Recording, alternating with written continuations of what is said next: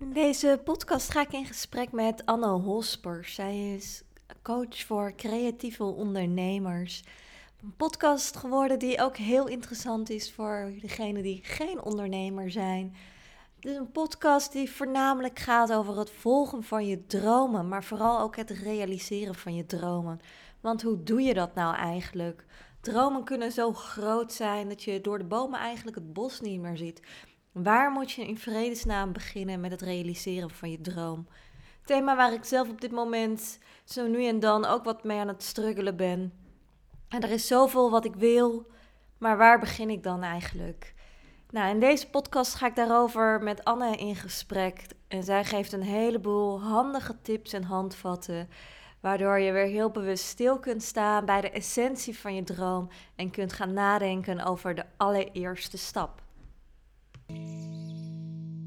Welkom, leuk dat je luistert naar het podcastkanaal van Everything is Oom. Mijn naam is Sabrina Souban en in deze podcast ga ik in gesprek met inspirerende Nederlanders. Mensen die iets doen of die iets hebben meegemaakt waar wij met z'n allen nog een heleboel van kunnen leren. Mensen die de wereld een beetje mooier maken door wie ze zijn of door wat ze doen. Wanneer je de podcast zo meteen beluisterd hebt en je hebt dat gedaan in iTunes, dan zou je me ontzettend helpen om 5 sterren te geven, zodat nog wat meer mensen deze podcast kunnen beluisteren. Elke twee weken komt er een nieuwe aflevering online. Dus wil je geen enkele aflevering missen, abonneer je dan vooral op dit kanaal Everything is Oom. Voor nu wens ik je heel veel luisterplezier toe. Ik ga vandaag in gesprek met Anne Hospers. Je bent ondernemerscoach. En wat doe je precies als ondernemerscoach? Kun je daar iets over vertellen in het kort? Uh, ja, natuurlijk. Ik doe eigenlijk heel erg veel. Ik snijd heel veel verschillende onderwerpen aan uh, met mijn klanten. Uh, dus ik werk voornamelijk in, in één-op-één trajecten van, van, van meerdere maanden. Waarin ik echt met mijn klanten kijk naar hun dromen en doelen. En dat vertalen we vervolgens naar een, een aanbod. En vaak passen we die ook aan. Uh, ja, veel mensen komen bij mij die, zijn, die hebben behoefte aan een nieuw hoofdstuk. En daar hoort vaak een, ja, een andere levensstijl bij. En dus ja, eigenlijk ook vaak ander werk. Dus dan kijken we ook naar, naar financiën en naar marketing, naar sales. Ja, dus ik zie mezelf echt als allround ondernemerscoach wat dat betreft. Ja, en welke doelgroep richt je je daarmee? Um, ja, ik heb echt wel een duidelijke niche te pakken. Ik werk echt met de, met de creatieve ondernemer. Maar dat is nog steeds best breed. Dus ik werk bijvoorbeeld met, uh, met ontwerpers, fotografen, illustratoren. Um, maar ik heb bijvoorbeeld deze week ook contact gehad met een uh, uh, stem- en zangcoach en een interieurontwerper. Dus ja, en het zijn um, ja, zowel mannen als vrouwen. ja, voornamelijk millennials. Ja. Voornamelijk millennials. Ja. ja.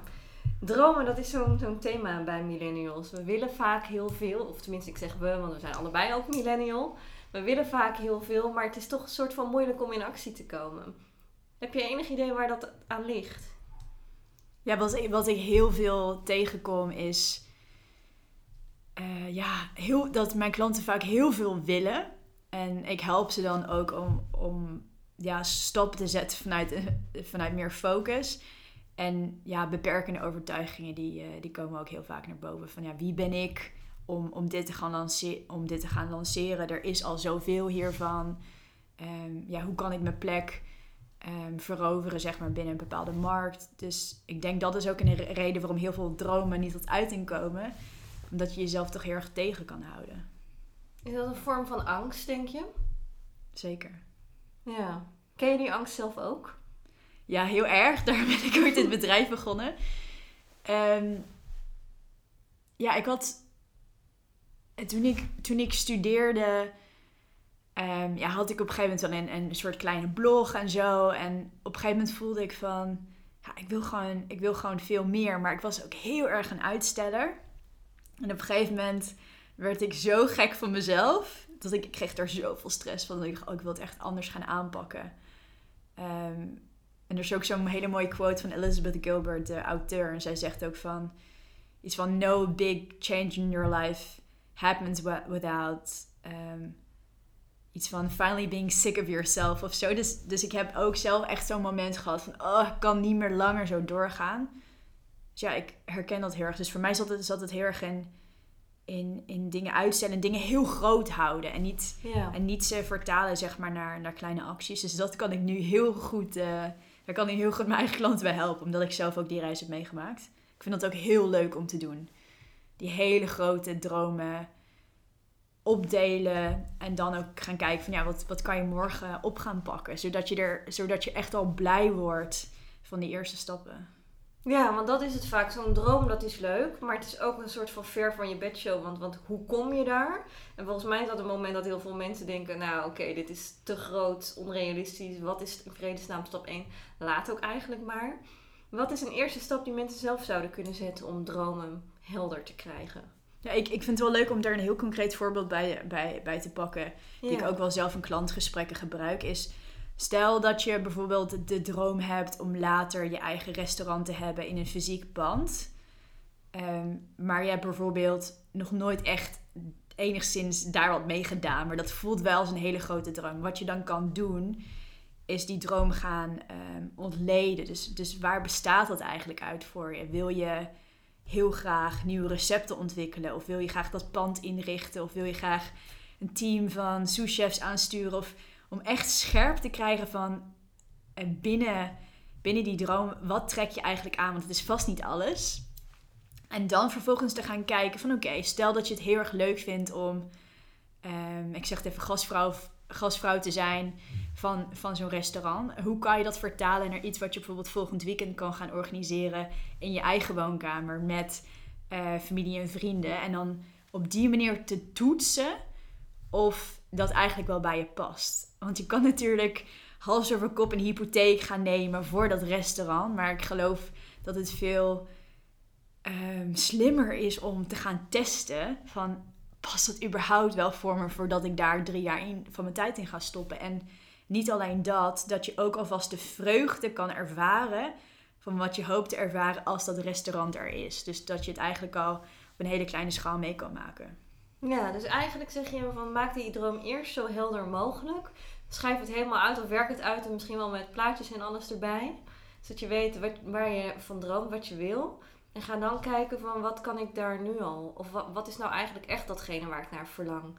En wat kan ik daarvan nu al toepassen in mijn leven? Ja, dus, dus stel, stel dat het dus was, zeg maar, die, die gastvrouw zijn en die recepten ontwikkelen, dan kan je dat al in je eigen eh, woonkamer gaan doen. Dus voor vrienden en kennissen en ervaren of je dat leuk vindt. En als dat werkt, dan kan je bijvoorbeeld een uitbusje kopen voor, voor eh 2000 euro. En, en dan een keer een festivalseizoen meedraaien op, eh, met, met je eigen foodtruck. En dan kan je op een gegeven moment altijd nog opschalen naar die restaurantdroom. Maar dan ben je in ieder geval nu al lessen aan het verzamelen en, en die werkgeluk en het er- ervaren. Dus ja, ik vind dat echt een hele leuke ehm, methode. Dat noemen ze de Lean Startup methode. Dat je echt, ja, echt gaat testen in de markt ook. Niet, niet alleen ehm, ja, voor de levensvatbaarheid van je idee, maar ook voor je, ja, voor je eigen geluk. Om het, Ja. om het klein te houden, ja. Dat vind ik heel mooi ook, want je hoort vaak van ga plannen maken of een bedrijfsplan schrijven en weet ik het allemaal. Dan ben je eigenlijk vooral bezig met de dingen die je meestal niet zo heel leuk vindt. En het blijft allemaal nog een beetje vaag en je komt waarschijnlijk allemaal dingen tegen waardoor je denkt, oh, moet ik dat ook nog uitzoeken? Of oh, dat kost zoveel geld. Volgens mij zijn dat allemaal beren op de weg die je daarbij treft. Ja, ik, ik ben destijds ook afgestudeerd. ehm, ja, met onderzoek naar de Lean Startup methode. En die heb ik ook geïmplementeerd. Ehm, en daar, daar hebben ze dus ook heel erg over. Van ja, een businessplan. Je kan, je kan een businessplan schrijven van, van 20 kantjes. Maar als je nog nooit hebt gesproken met de eindgebruiker van jouw dienst of van jouw klant, dan kan je hem eigenlijk al in de prullenbak gooien bij het eerste gesprek. Want heel vaak ehm, weten wij niet wat de klant wil, omdat wij niet de doelgroep zijn. Dus het is veel waardevoller om met de eindgebruiker in gesprek te gaan vanaf dag één. ehm, en uit te horen van ja, het probleem wat jij denkt dat er is, of dat daadwerkelijk speelt. En daarna te gaan kijken van ja, wat voor oplossingen zouden dan passend zijn. En volgens mij is dat ook nog best wel lastig om te bepalen van wie is nou eigenlijk mijn ideale klant of de eindgebruiker zoals je het noemt. Want soms wil je ook gewoon iets doen omdat het in jezelf speelt en dat je denkt dat wil ik graag delen. Maar wie daar nou op zit te wachten, hoe kom je daar dan achter wie je ideale klant is? Ja, waar ik het bijvoorbeeld gisteren ook met een, met een klant van mij over heb gehad, is dat ehm, waar ik zelf vaak begin, ehm, is van wat voor soort mensen word ik zelf blij? En dat hoeft niet per se leeftijdsgebonden te zijn of, of, of gebonden te zijn aan een bepaalde locatie, maar er zit wel vaak in persoonlijkheid. Dus bijvoorbeeld voor mij in mijn vakgebied is het heel erg belangrijk dat diegene leergierig is, open, uh, uh, open staat voor nieuwe ideeën, uh, ook de drive heeft om huiswerk te maken, ook open staat voor social media. Dat, ik vind dat heel leuk om op te pakken met mijn klanten, dus diegene moet dat ook tof vinden. Um, dus zo kan je beginnen. Zelf nadenken van, hé, hey, wie zou ik wat bij willen brengen? Um, en van wat voor soort persoonlijkheden word ik zelf blij? Want uiteindelijk als je met diegene gaat werken, dan ga je tijd met ze doorbrengen. En moet dat wel een fijne ervaring zijn. Um, ja, en, en wat ik ook mijn klanten, waar ik mijn klanten ook in begeleid, is om interviews af te gaan nemen. en, die, en diegene die je dan spreekt, nee, er zijn bepaalde scripts die je dan kan volgen. Um, dan kan je ook achterhalen, als je er meerdere gesprekken hebt gevoerd, achterhalen zeg maar, van welke mensen passen bij het probleem wat jij voor ogen hebt en welke niet. Dus op een gegeven moment kan je daar ook een schifting in maken. Mooi. En komt dat bedrijfsplan ooit nog een keer om de hoek kijken? Of zeg je nou, dat is eigenlijk überhaupt niet, niet zo heel relevant? Ja, ik denk, denk als, ik, als ik kijk naar mijn coachingstrajecten, dan uh, dan pak ik eigenlijk facetten van het bedrijfsplan. In die zin dat we hebben het over marketing, we hebben het over sales, we hebben het over de doelgroep. Ehm, maar dat formuleren we gaandeweg, maar echt op basis van, van feiten. Dus op basis van die interviews die zijn gehouden. Op basis van de research die er is gedaan. Ehm, dus dan ga je niet alleen op je zolderkamertje ga je, ga je, ga je dat papier zetten. Dat is echt op basis van die informatie die je zeg maar, uit de markt hebt gehaald. Um, maar dat is niet een, een document van 20 pagina's wat opgeleverd wordt. Nee. nee.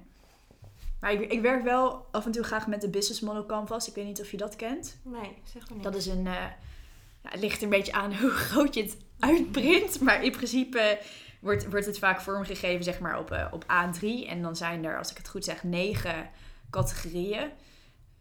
Uh, ik even denken of ik ze allemaal op kan noemen. Um, het gaat over... Um, customer relationships. Dus wat voor soort relatie zou je willen hebben met de klant? Is dat intensief? Is dat alleen maar online? Is het geautomatiseerd? En wat voor channels worden er ingezet? Wat voor kanalen? Uh, komen mensen bij je uh, via, uh, via via of via Facebook ads of dat je daarover na gaat denken? Of is dat via een tussenpersoon? je kijkt naar de revenue streams, dus naar de inkomstenbronnen. Um, je kijkt naar uh, key partnerships, dus welke sleutelpartnerships zijn belangrijk in het proces. Um, je kijkt ook naar key resources, dus welke middelen zijn belangrijk. Bijvoorbeeld als je therapeut bent, dan, dan is een um, therapieruimte belangrijk.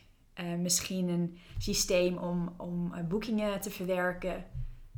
maar als je een restaurant hebt, dan is dat bijvoorbeeld het pand. Eh, de chefs, uh, de pannen, etc. Dus dan kan je dat uitschrijven. En voor elke business is dat anders.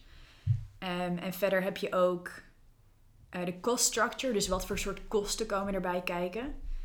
Um, en daarnaast heb je ook nog customer segments, dus wat voor soort klanten, zeg, klantsegmenten ga je bedienen. Volgens mij is er nog geen, maar in ieder geval, in zijn er dus negen categorieën. En dat heb je dus op een A3 plaat. En dan kan je met post-its kan je gaan plotten. Dus dat is een hele, hele andere werkwijze dan een 20 kantjes uh, vol tikken. Ja. Want zodra je met één aspect gaat schuiven, verander, verandert alles. Kun je daar dus- een voorbeeld van geven?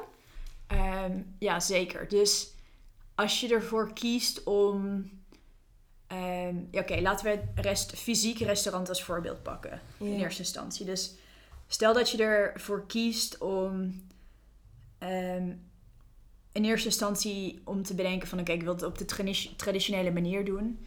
Ik wil een fysiek pand hebben. Dan als je kijkt naar de opbouw van je kosten, dus de cost structure, dan is, de, is het pand is een hele grote, ehm, zeg maar, last dan. Of, eh, Ja. Maar als je, dat, als je besluit van, oké, we, we doen eh, huiskamerdiners. Dus we gebruiken alleen maar ehm, ja, het pand wat we al hebben. Dan verandert dat dus. En dat betekent ook dat je ehm, ja, dat de partnership misschien dan ook weer verandert. Ehm, omdat je misschien ehm, dat je misschien je buren dan akkoord moeten gaan ten opzichte van de Ja. gemeente. Ehm, dat betekent dat je ehm, misschien minder kan verdienen omdat, omdat de beleving anders is. Dus, zo, dus vandaar dat dat gewoon een heel fijn, fijne manier is om al die facetten op één pagina te hebben. Dan kan je veel sneller zien wat de impact is. En bij customer segments, sommige verdienmodellen hebben, zijn two-sided, dus hebben twee kanten. Dus die hebben bijvoorbeeld, ehm, bijvoorbeeld Spotify. Zij hebben de artiesten, Ja. die onderdeel zijn van, van het grotere geheel en de luisteraars. En de luisteraars hebben weer andere behoeften dan de artiesten. Dus, dus dat kan je dan ook plotten in twee soorten post-its en kan je daar ook mee spelen. Dus ja, als je zoekt op Business Model Canvas, dan, eh, dan, dan heb je daar een, model voor. En dan kan je dat gewoon uitprinten en dan kan je daarmee spelen. Kan je daarmee aan de slag? Ja, dat is echt heel leuk. Ja. Klinkt ook best wel als dingen al heel concreet maken. Ja, de bedoeling is dat je gewoon één woord op een post-it zet. En ja, dat het ook heel overzichtelijk blijft en dat je gewoon makkelijk kan zien eh, ja, hoe het geheel eruit ziet. Het lijkt me tegelijkertijd nog best wel een ingewikkelde stap. Juist als je zegt in één woord. Dat betekent dat je echt to the point moet komen. Echt tot Ja. de kern. Ja. Merk je dan dat mensen vaak nog een beetje aan het strukkelen zijn van... Maar wat wil ik dan eigenlijk precies? Want dat fysieke restaurant, dat is dan één ding. Ehm, maar om dan echt, echt te komen bij van dat diepe verlangen wat daaronder zit. Ja, dus, dus in mijn trajecten, dan, in mijn trajecten start ik altijd met het, met het dieper, diepe verlangen. Ja. Dus dat business model stukje komt echt veel later in het proces. En ik laat mensen ook echt nadenken over ja, hun, eh, bijvoorbeeld hun ideale werkmaand. Je ziet soms in loopbaanboeken dat mensen je vragen om een ideale dag te omschrijven of een ideale week. Maar ik geloof zelf niet in die aanpak. Want ehm, als ik bijvoorbeeld behoefte heb om naar Barcelona te gaan voor een lang weekend, dan hoef ik dat de week, de week erop bijvoorbeeld weer niet.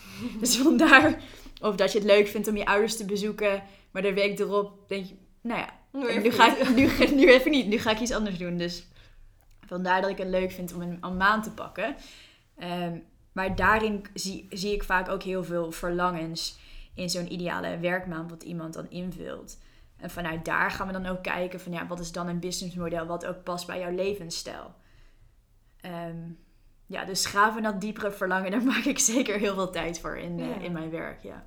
Ik denk soms ook wel dat het bij doelen vaak gaat om een dieper liggend verlangen. Want het is heel leuk om bijvoorbeeld dat restaurant te hebben, of weet ik veel, je eigen yoga studio of, of je kapperszaak, noem maar wat. Maar het gaat volgens mij vaak om een gevoel wat je verwacht te hebben op het moment dat je daar staat. Dat dat een drijfveer voor je is. Ja, ik, ik heb jaren geleden heb ik een boek gelezen eh, van Danielle Laporte, een Canadese ondernemer. Oh ja, die is fantastisch. Ja, ze heeft er meerdere geschreven, maar de ene die ik nu aan wil halen is de Firestarter Sessions. Dat is een, dat is een fel oranje boek en zij heeft het over de core desired feelings.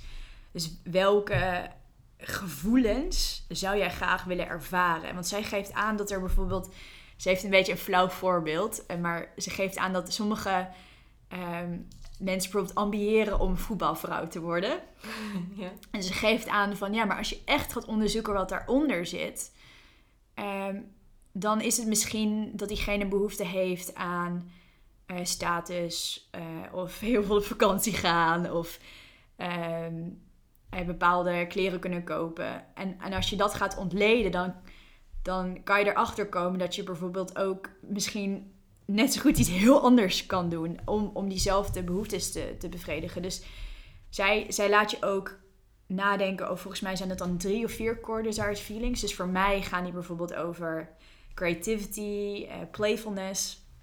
Zij, zij laat mensen ook nadenken over hoe kan je zorgen dat je die, dat gevoel, dat soort, dat soort gevoel wat je na wil schrijven, dat je dat ook echt in je wekelijks agenda inplant.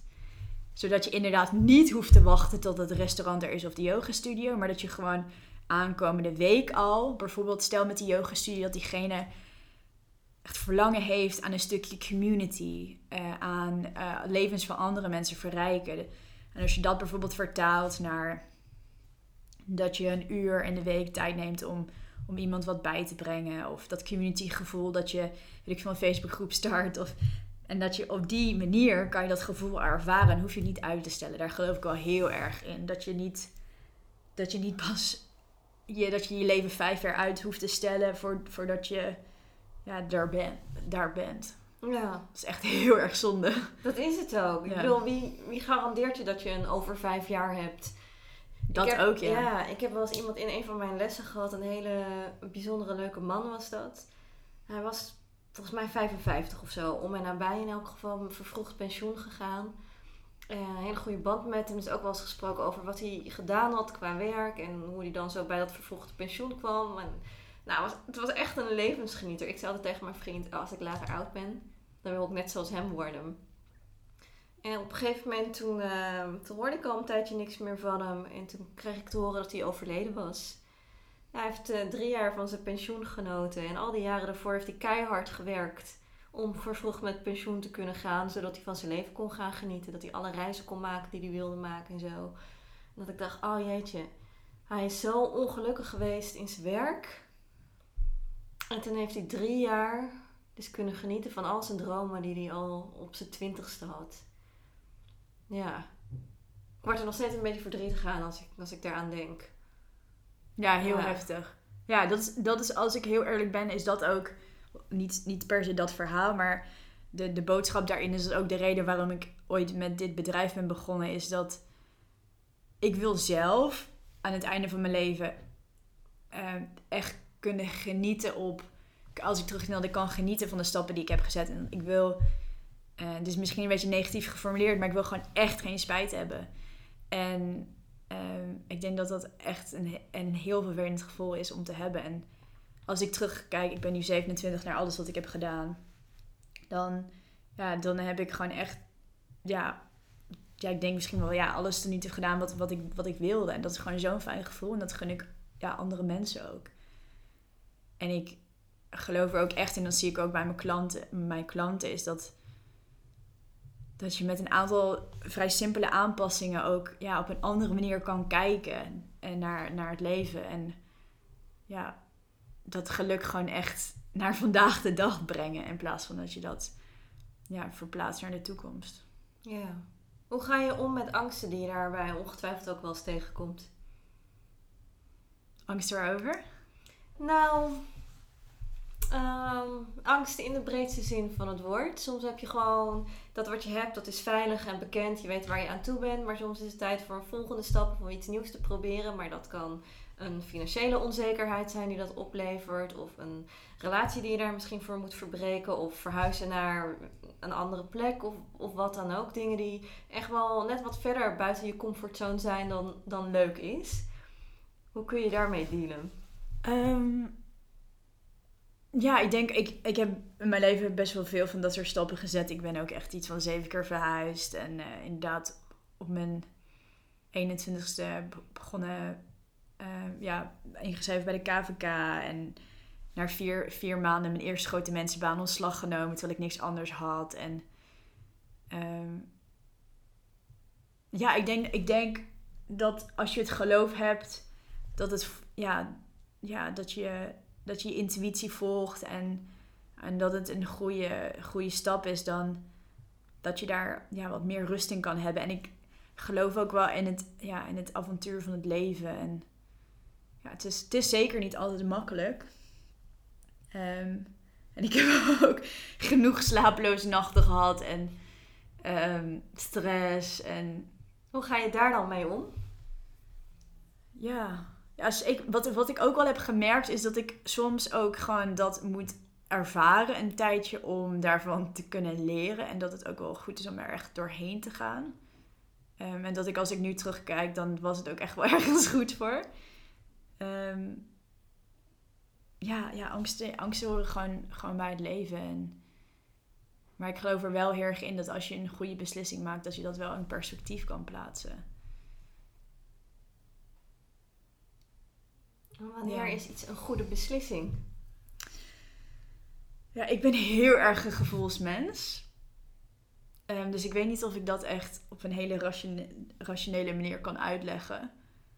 Ehm, maar er is, er is een Amerikaanse uh, ondernemer en auteur en, en hij eh, heeft, een, heeft een uitspraak en hij zegt: It's either a hell yes or it's a no. En ik, ik merk dat ook bijvoorbeeld in intakes met klanten. Bij sommige, s- naar sommige intakes schreeuw mijn lichaam echt van de energie. Dat ik denk, oh, dat is zo leuk. Ik heb zoveel zin in deze samenwerking. En, en soms denk ik van, oeh, ik word eigenlijk al na vijf of tien minuten een beetje moe van deze persoon. En dan, ja, dan geeft mijn lichaam dat eigenlijk al aan van, hé, dit klopt niet. Ehm, ja, dat dat heb ik, heb ik eigenlijk als, als kind af heb ik dat best wel heel gehad. En ik denk dat ik dat, ja, steeds meer heb getraind. Maar ik heb ook vaak genoeg gehad dat ik dat ik er niet naar luisterde en dat het, bit me in the ass. Dat je, dat je dan dacht van, oeh, ja, dat stemmetje heb ik inderdaad gehoord, niet naar geluisterd. En eh, nu, nu ehm, moet ik daar de pijn voor ruimen, zeg maar. Ja. Ja. Oh, dat herken ik zo. Ik ben ook heel erg een gevoelsmens. En soms kan iets zo mega onlogisch lijken, maar als het goed voelt, dan ga ik het gewoon doen. Of dan vertrouw ik daarop. Maar soms dan is het rationeel echt zo niet te verklaren dat ik denk, dit is echt het domste wat je maar kan doen. Ik ga gewoon een keer niet daarnaar luisteren. Dit, dit kan nooit goed uitpakken. Nou, en dat, dat rationele, dat is eigenlijk nooit de juiste keuze. Ja. Maar het is wel heel spannend. Dit is heel spannend. Ja. Ik, ik heb ooit op mijn... Ik denk dat ik 24 was of zo toen. Dat ik voor mezelf had besloten van... Ik ga geen keuzes meer maken op basis van angst. Ik heb me al te veel laten beperken en door angsten. En dat heeft me niks gebracht. Vanaf nu ga ik alles doen wat goed voelt. Maar waar ik wel een beetje bang voor ben. En nou ja, ik ben inmiddels 30. Dus ik doe dat nu zes jaar. Maar het is nog steeds moeilijk ergens heb ik nog altijd de hoop dat het een keer makkelijk is. Er komt steeds meer vertrouwen in. Dat ik dan wel weet van het pakt uiteindelijk altijd wel weer goed uit. En soms is het even zwaar, maar het, het vindt zijn weg ook wel weer. Maar het blijft moeilijk. En waarom denk je dat dat is? Aan de ene kant misschien omdat iets... eh, als iets echt belangrijk voor je is, dan, dan brengt dat ook emoties en gevoelens naar boven toe. Dus ik denk dat dat er sowieso mee samenhangt. Dat je jezelf ook in het diepe gooit en dat je ook dat, dat, dat het idee dat je iets vertrouwt waar je niet, maar tegelijkertijd er niet zeker van bent of het goed uit gaat pakken, dat dat veel met je doet ook. Ja, ja, dat denk ik. Ja. En tegelijkertijd misschien ook een. eh, eh, misschien is de situatie waar ik nu in zit ook gewoon heel anders dan toen ik 24 was. En toen ik 24 was, was alles in mijn leven dusdanig ellendig dat het niet heel veel slechter kon worden. Dus dan, dan heb je ook niet echt meer ruimte om een verkeerde keuze te maken. En naarmate je meer tevreden bent over je leven, dan heb je wat te verliezen. En misschien is dat dan ook wat het eng maakt of zo. En dat zie ik denk En dat is ook wel- een mindset, toch? Dat je Ja. iets te verliezen hebt. Ja, Ja. dat is het ook. Maar ik zie dat ook wel veel bij mensen om me heen. Of dat nou gaat over relaties verbreken of van baan wisselen of voor jezelf beginnen of niet. Of wel of geen kinderen nemen. Dat het toch altijd wel een beetje is van ja, ik weet nu wat ik heb en eigenlijk is dat best wel prima. En dat moet je dan op het spel gaan zetten voor iets waarvan je nog niet weet of het goed gaat uitpakken. Ik merk dat dat voor mensen ook vaak wel een dealbreaker is. Ja, dat, dat, dat de consequenties ja, meer impact hebben. Ja, ja dat, dat formuleer je mooi zo. Ja. Herken je dat een beetje voor jezelf? Of ga je gewoon echt ergens vol voor wanneer het goed voelt? Ja, voor, voor mij is het denk ik best wel een situatie eh, afhankelijk. En er, ik heb op een gegeven moment ook een, een, een- Ik lees best wel veel. Er op een gegeven moment ook een, een boek gelezen. En daar hadden ze het over van ja... Als, je, als we het hebben over kinderen en relaties... dan is het net iets ingewikkelder, denk ik. Maar er, heel veel beslissingen... eh, die zijn niet definitief. Dus ik heb ook wel eens gesprekken gehad met mensen die zeggen van... ja, ik wil gaan ondernemen... maar tegelijkertijd weet ik ook niet of dat wel wat voor me is. Dan denk ik van ja... Je kan altijd weer in loondienst. Zeg maar, als jij gewoon getalenteerd bent, je werkt hard, dan er is er altijd nog een baan voor je. Ehm, dus dat soort, ja, als je echt stilstaat bij dat soort beslissingen, dan, dan kan je altijd nog terug naar, naar het oude. Maar dan heb je wel weer meer wijsheid op zak, omdat je je droom achterna bent gegaan. Maar ik denk met dat soort beslissingen, ja, you can always go back. Ja, dat denk ik ook. Ja, dat is precies wat je zegt. Ik zei dat toevallig gisteren nog tegen een vriendin. Van je bent jarenlang goed geweest in je werk. Dus waarom zou je dan straks, als je er een half jaar uit bent geweest en erachter komt dat je eigen onderneming je niet lukt, waarom zou je dan opeens geen werk meer vinden? Je hebt een cv waar je u tegen zegt. En wat als het goed uitpakt? Ja, en, en ik, heb, ik heb ook destijds een, zo'n gesprek gehoord met een vriendin. En, en of, of denk je zelfs ook in mijn eigen podcast, is dat stel dat je, dus je hebt een loondienst gewerkt en je wil voor jezelf beginnen en je vindt het spannend, maar je doet het toch. En na zes maanden kom je erachter of na een jaar van ja, ik wil toch wel heel graag weer een loondienst. Ik kan mezelf niet, kan het niet voorstellen, maar er zijn mensen die, uh, die dat doen inderdaad. Dan ga, stap je wel, misschien ben je zelfs aantrekkelijker, uh, ben je een aantrekkelijker kandidaat geworden, omdat je toch weer andere soort kennis hebt opgedaan. En heb kunnen laten zien dat je een ander niveau hebt van productiviteit. productiviteit. Ehm, dus, dus er wordt vaak gedacht in van... Oh, dan, dan, dan heb ik gefaald. Of dan heb ik het geprobeerd en het lukte niet. Maar ik kan ook zien van dat je gewoon heel veel nieuwe ervaring op hebt gedaan. En dat als je weer terug... Um, ja, weer teruggaat, dat je eigenlijk nog waardevoller bent in zo'n functie. Ja, en ik denk ook dat het dan een nog bewustere keuze is omdat je dan dat andere hebt ervaren en weet van nou, dat is het niet. Dat, dat dat verlangen dan ook weg is. En dat je echt ja kunt zeggen tegen de baan die je dan op dat moment aanneemt. Omdat je dan gewoon echt weet van dit is wel wat ik wil en waar ik voor wil gaan. Nou. Heb jij nog grote dromen? Um, ja, ik zit even na te denken.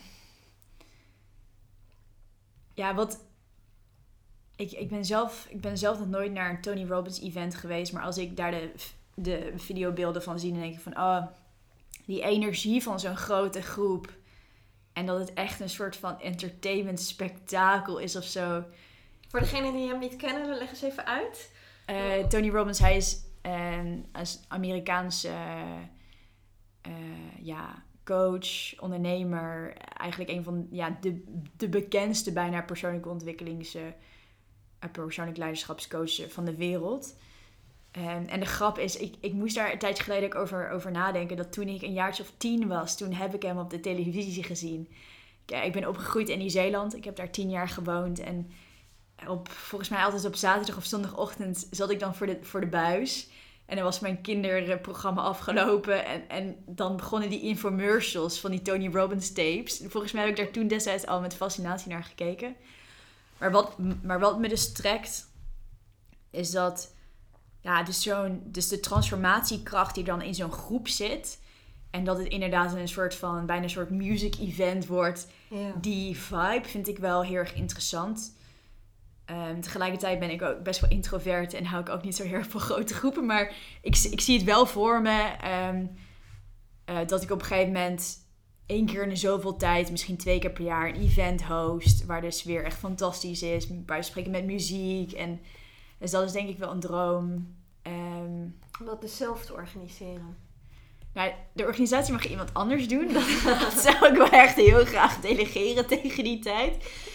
Um, maar wel inderdaad dat het, dat het vanuit mijn eigen merk is. En dat ik op het podium sta. Dat ik bijvoorbeeld mensen interview en dat ik uh, de styling teams heb aangestuurd. En dat we echt een te gekke backdrop hebben. En dat er, weet ik van bandjes zijn en zo. Die programmering uh, samenstellen lijkt me bijvoorbeeld ook heel leuk. Ja, dus, dus, dat, dus dat, zeg maar, vakinhoudelijk um, ja, droom ik wel ook van zoiets. En tegelijkertijd, als dat pas over uh, vijf of tien jaar is, vind ik het ook prima. Mijn werk vind ik gewoon heel leuk nu. Um, en, en wat ik ook Waar ik nu ook een beetje mee bezig ben, is... Uh, ik heb dus tien jaar in Nieuw-Zeeland gewoond. Tien jaar uitzicht op de zee gehad. Hmm. Um, en ik woon nu alweer sinds uh, mid 2011 in Nederland. Zo uh, ja, nog net, nog net geen tien jaar. En ik merk dat ik heel erg de natuur mis. Ja. Dus ik heb ik heb uh, vorige week besloten dat ik parttime in Portugal wil gaan wonen. Echt waar? Wat heerlijk. Ja. En wat houdt het in parttime daar wonen in de winter of zo, die kant op? Ja, wat parttime in gaat houden, dat weet ik nog niet. Maar ik ben de afgelopen vier jaar eh, drie keer, nou, afgelopen twee of drie jaar drie keer in Portugal geweest. Dus ik ben echt een beetje verliefd geworden op het land. Eh, en, en specifiek op een bepaald eh, plaatsje waar je ook lekker kan surfen. En ik, en ik heb gewoon gemerkt, ook nu door, door corona, dat ik gewoon eigenlijk al mijn werk online kan doen. Dus dat biedt heel veel mogelijkheden. Ja. Uh, dus ik zie het al voor me dat ik gewoon lekker uh, met mijn blote voeten in de tuin met uitzicht op de zee, wat de coachcalls doe, dan lekker ga surfen en uh, buiten ga eten. En ja, kijk er naar uit. Dus dat is ehm, een droom waar ik dit jaar al aan wil beginnen. Ik ken een aantal mensen die in dat plaatsje wonen en dan als we weer mogen vliegen, ga ik lekker die kant op met mijn Ja. laptop. Om de mogelijkheden te onderzoeken. Ja. Wat Ja. heerlijk. Ja. En als we dan terugkomen waar we het net over hadden, die diepe verlangens. Welke verlangens zitten hier onder die twee dromen? onder die eerste droom, ehm, ja, er, er, er zit een verlangen van mensen samenbrengen, mensen verbinden. Ik ben heel erg aan netwerken. Ik vind het ook heel leuk als, als ik mensen aan elkaar kan koppelen en dat daar weer ehm, mooie dingen uitkomen waarvan ik van tevoren niet weet wat het gaat worden, maar dat dat ontstaat. Dus, dus, dus die magie van, van die verbindingen die kunnen ontstaan in de groep, daar zit een bepaald verlangen in. En dat mensen elkaar kunnen versterken en inspireren. En eh, ja, dat ze samen kunnen groeien. Dus dat vind ik gewoon heel erg mooi om te faciliteren. Ehm, ja, en ik, en ik ben ook ik ben heel erg een, een regisseur. En ik heb ook heel veel verschillende interesses. Zo, dus zo'n event, dat ik na mag denken over de catering. En over wat ik dan aan heb. En wat er, hoe het programma eruit ziet. En wat voor stoelen er staan. En ehm, ja, heerlijk als ik daar allemaal eh, mijn zegje over mag hebben. Ehm, en wat voor diep verlangen er onder, onder het Portugal-verhaal zit, is ja, gewoon veel meer ruimte hebben voor het buitenleven. Ehm, ja, in de natuur kunnen zijn. Eh, ja, niet de hele dag achter mijn laptop, lekker in het water. Ehm, kunnen peddelen. Ja, dus dat is eigenlijk gewoon iets heel bazaals eigenlijk. Gewoon dichter, dichter bij je eigen natuur of zo. Ja. Mooi, dichter bij je eigen natuur. En in die tijd dat je in Nederland bent, hoe kom je dan dichter bij je eigen natuur? Nou, ik heb eergisteren heb ik voor het eerst heb ik, eh, had ik een coachcall van een uur. En toen zei ik tegen haar van ja, volgens mij hebben we geen eh, beeldbellen nodig. Vind je het goed als ik wandelend jou coach? En toen zei ze ja, heb geen probleem. Dus heb ik lekker 60 minuten door echt een heel mooi park ehm, ja, gecoacht. Terwijl ik gewoon lekker aan het wandelen was en was echt zalig. Dus met dat soort dingen ben ik een beetje nu aan het experimenteren. Ja, volgens mij kan het ook prima. En volgens mij, tenminste, ik hou ook heel erg van wandelen. Het is ook gewoon een manier om echt te focussen dan op een gesprek. Veel meer nog dan wanneer je, wanneer je zit en voor je uit zit te staren. Ja, dus, ja, dus met dat soort dingen ben ik aan het spelen. En ik wil over twee weken of zo heb ik, heb, heb ik besloten dat ik even vakantie ga nemen. En dan ga ik misschien ook even naar de, de zee in Nederland, daar een huis huren. Ehm, ja, dus klein beginnen. Ja, nou ja, daar geef je wel het mooie voorbeeld van. Klein beginnen. Geeft jou dat al genoeg het gevoel voor nu dan om inderdaad even in de natuur te zijn, in je eigen natuur? Nou, het liefst zou ik gewoon over twee weken naar Portugal vliegen. de Portugese natuur is toch, toch iets anders dan, eh, dan hier. Ja. Ehm, ja. Nee, dus, dus het is niet zo dat, dat, dat, dat ik dan... eh, ja, het, het, zijn, het is een klein begin, maar het liefst zou ik gewoon naar Portugal, Portugal willen vliegen. Maar ja, het kan voorlopig nog niet. Nee. Dus eh, ja. Dan is dit de beste andere optie. Ja, en, ik, en dat hebben veel meer mensen met mij. Het is gewoon best pittig om een hele dag achter een computer te zitten. En volgens mij, ja, daar zijn we ook gewoon niet voor Nee, dat is gemaakt. helemaal niet gezond. Dus het is gewoon wel heel lekker om die, eh, om die afwisseling te hebben. Ja. Ja. Ik wou nog iets vragen, maar ik ben het helemaal vergeten. Jij, jij waant je al helemaal op vakantie. Ja, precies. Ik zit al zelf daar helemaal. Dat is ook iets wat ik zo graag wil. Inderdaad, ik reis best wel veel voor mijn werk. En nu ligt dat allemaal stil en ik mis dat onwijs. Wat jij zegt, in het buitenland zijn, het buitenleven. Het is zo heerlijk. Het is zo dicht bij jezelf komen. Het is wel ongezond wat we in Nederland doen om de hele dag maar binnen te zitten en binnen te leven. En een heel onnatuurlijk dagritme hebben we volgens mij ook gewoon hier zo. Ja, volgens mij is dat hele mediterraanse leven gewoon veel beter voor ons. Ja, ik kijk er naar uit. Ja, maar waar, van waar de keuze om toch nog deels in Nederland te wonen? Ja, misschien verandert als ik daar eenmaal zit.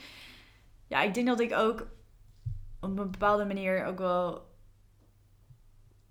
Ja, ik woon, ik woon dus zelf in Utrecht en ik woon dus heel erg dicht bij een heel schattig straatje met allemaal van allemaal boutiquejes en de groenteboer en, en ook dicht bij, de, bij de gracht en ah, dat heeft ook wel wat.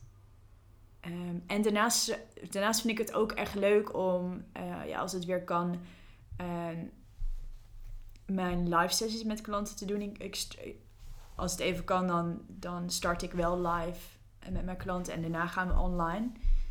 Ehm, dus ik denk dat ik dat stukje contact ook echt zou missen als ik, als ik helemaal in Portugal zit. En natuurlijk familie en vrienden die je dan veel, veel minder snel kan zien. En dus, dus nu, ja, voor nu zou het wel echt part-time zijn. Ja, klinkt lekker. Ja, maar ik heb dus dit, dit was vorige week besloten, dus alles kan nog veranderen. Ja? Ja. Je gaat wel heel erg stralen als je het erover hebt. Hè, waar zou die verandering dan in zitten? Dat je erachter komt van dit is toch niet helemaal... Nee, nee, nee, daar, daar maak ik me niet zo erg druk op, maar meer dat ik dan bijvoorbeeld, dat het dan niet part-time is. Of dat, wat ik nu bijvoorbeeld in mijn hoofd heb, dat het dan, weet ik veel, twee keer tweeënhalve maand is, maar misschien dat het dan veel langer is of zo. Oh ja, Ja. de details die kunnen nog... Ja. eh, Of dat ik toch terug ga naar Nieuw-Zeeland part-time. Dus eh, nee. Oh. Ja, Portugal vlieg je nog maar even makkelijk heen en weer. Kun je ook nog even een weekje terugkomen, maar Nieuw-Zeeland. Ja. Ja. Voelt Nieuw-Zeeland echt nog eens thuis? Ehm, als ik daar ben wel, maar als je dat zo nu vraagt, dan weet ik het niet. Ook omdat ik daar ook echt alweer een tijdje niet ben geweest. De laatste keer dat ik daar ben geweest is ook weer echt anderhalf jaar geleden. Hm. Ehm, ja, mijn, mijn moeder, moeder woont daar nog in, in zeg maar ons oud- ouderlijk huis. Dus ja, als ik daar weer ben, ik heb daar tien jaar gewoond, is dat wel echt thuis, thuiskomen. Dus ja, het is voor mij een beetje lastig om daar antwoord op te geven. Ja. Ook omdat ik ook weer tien jaar hier woon. Dus het is... ehm, Het is allemaal misschien een beetje thuis. ja, en ik heb, ook, ik heb ook een half jaar in Parijs gewoond. En als ik daar weer ben, dan voel ik me ook weer een vis in het water. Dus ik, ik, ik zeg wel vaker tegen mensen dat ik ja, drie thuizen heb eigenlijk. Ja. Ja. Ik kan me voorstellen. Mooi. Ja. Dat is ook wel heel fijn. Het zijn wel drie mooie plekken op de wereld. Zeker, ja, Ja. heel erg. Ja. Drie, drie hele andere plekken ook. Ja. Ja. Utrecht, Parijs, Nieuw-Zeeland. Ik vind Utrecht wel echt de leukste stad in Nederland. We hebben ook nog bedacht dat we in Utrecht wilden wonen. Maar Rijswijk was toch net even wat, wat logischer qua werk voor mij. Ja. Nou, misschien verandert dat ook weer. Nou, ik denk dat ik ook wel in de natuur wil gaan wonen. Vroeger zei ik altijd van, oh nee, absoluut niet. Ik ben echt een stadsmens. Maar steeds meer dat ik denk, ja, ik, ik, ben, voel me toch niet helemaal in mijn vrije natuur zelf wanneer ik in de stad woon. Ik vind het zo heerlijk om daar dan uit te zijn. Ja, wat me nu nog tegenhoudt is dat ik mijn werk gewoon anders zou moeten gaan invullen op het moment dat ik er wel voor kies om meer in de natuur te gaan wonen. Want ik vind Nederland ook wel heel mooi. Er zijn in Nederland ook wel genoeg plekken vol natuur waarvan ik denk, hier zou ik echt wel heel goed kunnen, kunnen aarden. Maar ehm, ja, dan moet ik gewoon mijn werk anders gaan invullen. En daar heb ik nog niet een concreet plan voor. Dus tot die tijd is het nog niet. Maar de ideale, wer- de ideale werkmaand eh, invullen, zou ik zeggen. Ja, dat is een mooie. De ideale werkmaand invullen. Dat, eh, Dus echt dat je... ga je dan echt van dag tot dag opschrijven van... Ja, ik, Ja. ik heb daar een, ehm, een soort worksheet voor gecreëerd. En eh, daar, die ben ik nu aan fine-tunen. Dus als je mijn eh, eerste user test klant wil worden, voor, oh, eh, zeker. mag je feedback geven op, op die oefeningen. Ja, Oh, dat lijkt me heel leuk. Dat past Ja. echt precies waar ik nu mee bezig ben. ja, Ja. Die, die oefening is zo waardevol gebleken voor, voor, voor de klanten die ik heb gehad en die daarmee aan de slag zijn gegaan het afgelopen jaar. Het heeft gewoon, dit is, dit zou ik niet zo heel snel zeggen, maar dat heeft gewoon echt levens veranderd. Om mensen, om mensen echt gaan inzoomen op, op hoe ze willen dat, dat, dat, dat hun werkleven eruit ziet. En wanneer sta je daar nou echt stil bij? Gewoon echt niet vaak. En, en doordat, ik, doordat ik ze ook bepaalde vragen stel, dan, dan worden ze nog scherper gezet op, op wat het nou betekent. En hoe ze inderdaad dan ook de vertaalslag kunnen maken naar volgende week. En ja, ik vind dat echt te gek. Waar kunnen mensen daar meer over vinden? Want volgens mij kun je nog zoveel mensen hiermee helpen. Ja, dus wat, wat ik zei, hij is nu nog, nu nog in ontwikkeling. Maar onderaan mijn website uh, kan je onderaan mijn website campbluff met dubbel f.com uh, kan je inschrijven voor de nieuwsbrief. En daar zal ik ook uh, ter zijn de tijd delen dat de worksheet beschikbaar is te downloaden. Leuk, mooi. Ja. ja. En neem je ook nog coachingklanten aan? zeker.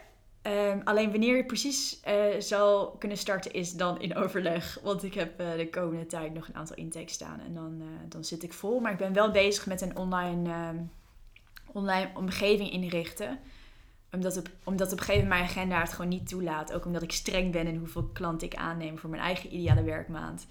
Uh, betekent dat ik op een gegeven moment vol zit. Dus ik ben bezig met een online omgeving inrichten. Zodat ik mensen wel met bepaalde opdrachten en huiswerk en, en theorie en inzichten kan. Ieder geval een stapje op weg kan helpen. Um, ja, dus dat komt er ook binnenkort aan. Dus dat is wel heel leuk. Ja. Om uh, ja, op die manier gewoon nog meer mensen te, te helpen. En dat komt ook, is straks ook weer allemaal te vinden op je website of via je ja. nieuwsbrief. Ik zal het linkje ook nog in de, in de podcastomschrijving zetten en in de blog die erbij komt. Ja, dus voor mij ook weer een nieuw hoofdstuk inderdaad. Dus dat is ook wel heel, uh, heel spannend. Is dat ook begonnen met een droom? Of is het meer een praktisch ding geweest? Zo van er is zoveel vraag, ik moet daar nog iets anders mee.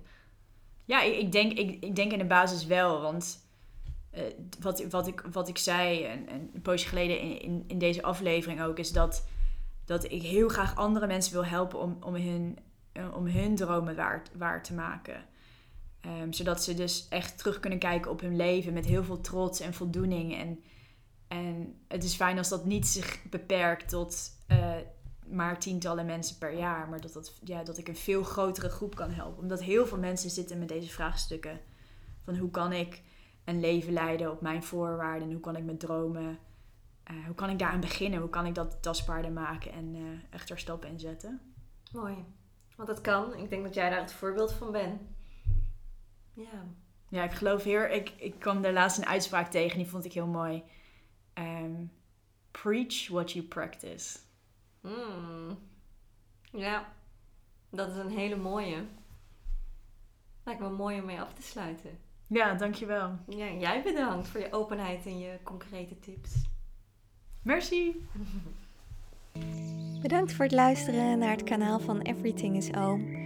Ik hoop dat je veel hebt opgestoken van deze podcast. Ik ben heel erg benieuwd naar je reactie hierop. Je kunt me altijd een mailtje sturen. info at everything-is-oom.nl Vond je de podcast van meerwaarde en kun je nou aan anderen aanraden? En heb je in iTunes geluisterd, dan zou je me ontzettend helpen wanneer je een beoordeling van 5 sterren achterlaat. Wil je geen enkele aflevering hoeven te missen, abonneer je dan vooral op dit kanaal. Voor nu wens ik je een heerlijke dag toe en graag weer tot de volgende keer.